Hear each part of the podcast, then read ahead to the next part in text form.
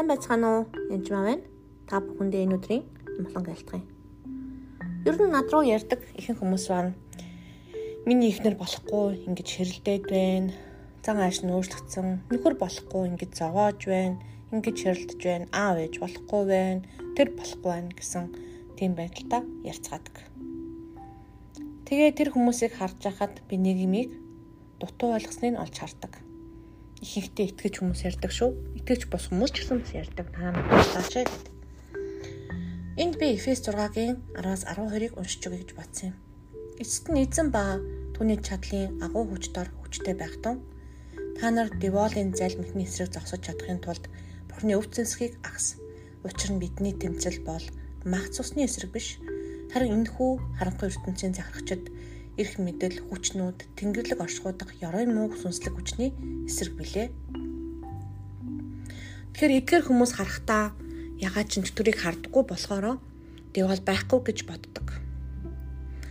Яг үнэндээ тэр хэрүүлийн дунд алгаа ташаад хаа хаа гоё доо утгагүй салхан дээ гэж баярлаа сууж байгаа нөхөр бол дэвал мөн. Тэдний гол зорилго өрдөөсөө л тэр. Гол зорилгыг мэдхэд маш амархан. Девол юу хийдэг вэ? Девол юу хийдэг вэ мэдхийн тулд би Йохан 10-ын 10-ыг та бүхэнд уншиж өгье гэж бодсон юм. Йохан 10:10 бол хулгайч зөвхөн хулгаалan аалж сүтгэхэр ирдэг. Би гэдэг нь Есүс Есүс тэднийг амьтаа бэлгсэн амьтаа байлгахын тулд ирсэн билээ. Сайн хонч нь би байгаа наа гэж Есүс хэлсэн. Тэгэхээр таны амьдралын гэрлэлтийг харилцаа холбоог, санхүү мөнгийг, цагийг хулгайлж, хайртай дотны хүмүүсийг чинь аалж, бас сүтгэхэр ирсэн нь бол хулгайч. Харин Иесус таныг амьтаа бэлгсэн амьтаа байхын тулд ирсэн. Хэдийгээр энэ ишлийг мэддэг боловч яг амьдрал дээр энэ ишлээ олж харж чаддгүй. Харагдахгүй байгаа хулгайч гэрт нь явж байгааг мэддэггүй. Жинхэнэ хулгайчийг хэрв харах юм бол зайл гэд хөөнөлдөө.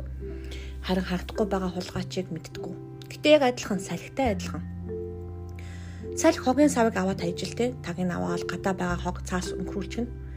Хараад хүүхийн цаас өөрөө хийсчлээ гэж хэлдэггүйтэй салхиныг хийсгчтэй гэдгийг мэддэг.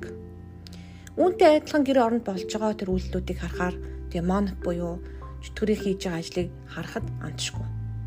Тухайн үед хүн хэрэлдэж дургуутсах үедээ гинт өөр болж таныг хизээч хэлэхгүйгээр хайртай дотны үнийг гомдоож байгаа болвол энэ чөтгөр гэдэг нь шууд ойлгомжтой байдаг.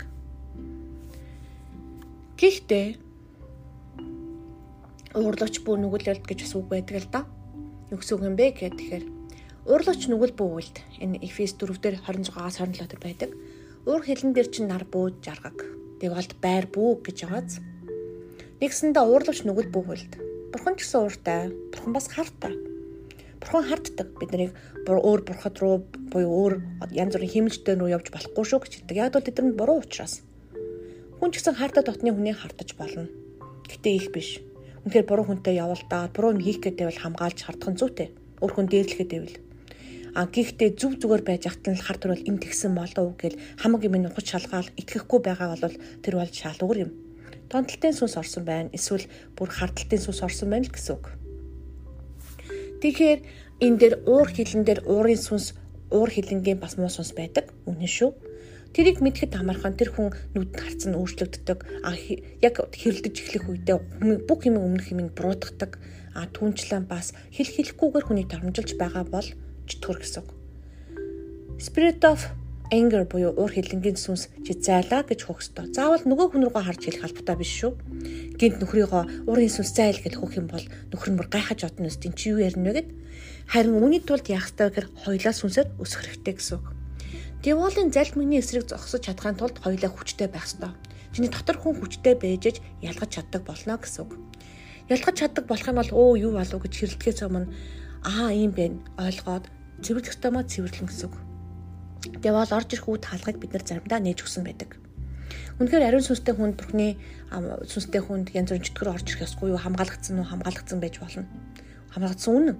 Гэхдээ бид нар заримдаа үд хаалгаа нээж өгдөг. Нэг үр хаалга нь болохоор их эхнэр нөхрөөрийн хэрүүлтэй холбоотой асуудлын хамгийн гол нь жишээлбэл аав ээжтэй гомдсон хүмүүс илүү хэрэлддэг.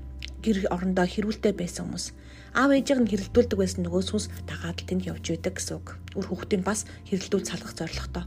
Аав ээж нь салгаж исэн, аав ээж нь хооронд нь хүнтэй явуулдуулж исэн тэр бүх сүнсүүд заримдаа дагаа явж байдаг. Андашгүй. Нөгөө талдаа аав ээжтэйгээ харилцаа холбоогоо тасалсан, үнэхээр ганцаардсан, аав ээж нь салж яваагүй ч гэсэн хамт байсан мөртлөө тоохгүй байх үед үнэхээр гологдсон тийм гологдлын сүнстэй, ганцаарлын өнчрлийн сүнстэй хүмүүс заримдаа маш их хэрэлдэж хүмүүсийг буруутгадаг. Тэрийг мэдэх бас амархан.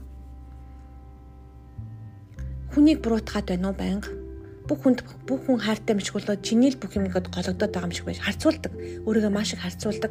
Энэ хүмүүс ийм мундаг байхад би ийм энтер гэж байгаа бол гологдлын болон өнчрлийн сүнс байна гэсэн хөө зайлуулах хэрэгтэй. Өнчрлийн сүнс Есүс Христосийн нэрээр зайлгээд. Намайг хүүхэд сүнс гарахгүй зайлахгүй шүү дээ гэж мянган хичээл дээр орж ирдэг хүн байдаг. Заримдаа тийм тохиол байна та Христийн нэрэн дээр бясалгал сайн хийх ёстой гэсэн. Энэ өмнөх подкаст дээр Христийн нэрний тухай би бас заасан байгаа. Тэр Бурхны ариун сүнсийг бүү гомдоо. Энэ Эфес 4 дээр цааш нь ши. Золилтын өдрийн төлөө та нар түгээр тамглуулсан юм шүү те. Зүгээр стем дарсан биш үнэхээр сил буюу таныг бүр лацадсан гэсэн үг. Хамгаалдаг гэсэн. Гэхдээ альва хорсол уур хилэн хашгираан гүтгэлэг бүх муу мухаг хам танараас зайлаг гэж хэлж байгаа. Яг үнтэй адилхан энэ залбирыг та өргөх ёстой. Альва хорсол, уур хилэн, хашгираан, гүтгэл нь бүх муу муухай хамт надаас зайлаг гэж залбирх ёстой гэсэн үг. Энэ нь гэрүүлийн хэрүүлийг зогсооход бас туслана. Бурхан та нарыг Христ дотор уучлсны адил бие биенээ уучлан нэг нэгнээ нэрч айдуу зөөлөн сэтгэлээр хандаа гэж Эфес 4-ийн 30-аас 32-т хэлжээ. Тэгэхээр би Библийн ишлүүдээр маш их залбирдаг. Яагаад вэ гэвэл Энэ ишлэл болгон бүгдээр Бурхны амьсгалаар бүтээгдсэн буюу ариун сүнсээр бичигдсэн учраас. Тийм болохоор миний үгнээс Бурхны үг илүү хүчтэй. Тэр яг Библийн ишлэлийг тавьж агаад залбирч болно гэсэн үг. Эфес 4-ийн 20-30-аас 32-оор. Тэгэхээр тэгэд залбирах үед альва хорсол, уур хилэн, хашгираан, гүтгэлгэн бүх муухай хам, муу мухам танараас зайлаг гэж. Тэгээд бид нэр ариун сүнсийг заримдаа яах нь? Ингээд байх юм бол гомдоно гэсэн үг. Тэр аль болох ариун сүнсийг гомдоож болохгүй шүү хүмүүсээ. Тэгээд эцэст нь юу гэж үлээ? Бид нар хүчтэй байх ёстой. Тэгээд дайснаа мэддэг байх ёстой. Тэгээд гэр бүлийн хэрүүл дээр хамгийн их анхаарах ёстой зүйл бол үл уучлал байна уу, гомдол байна уу тэрийгэ зэвлэх ёстой гэсэн үг. За та бүхэнд амжилт хүсье. Баярлалаа.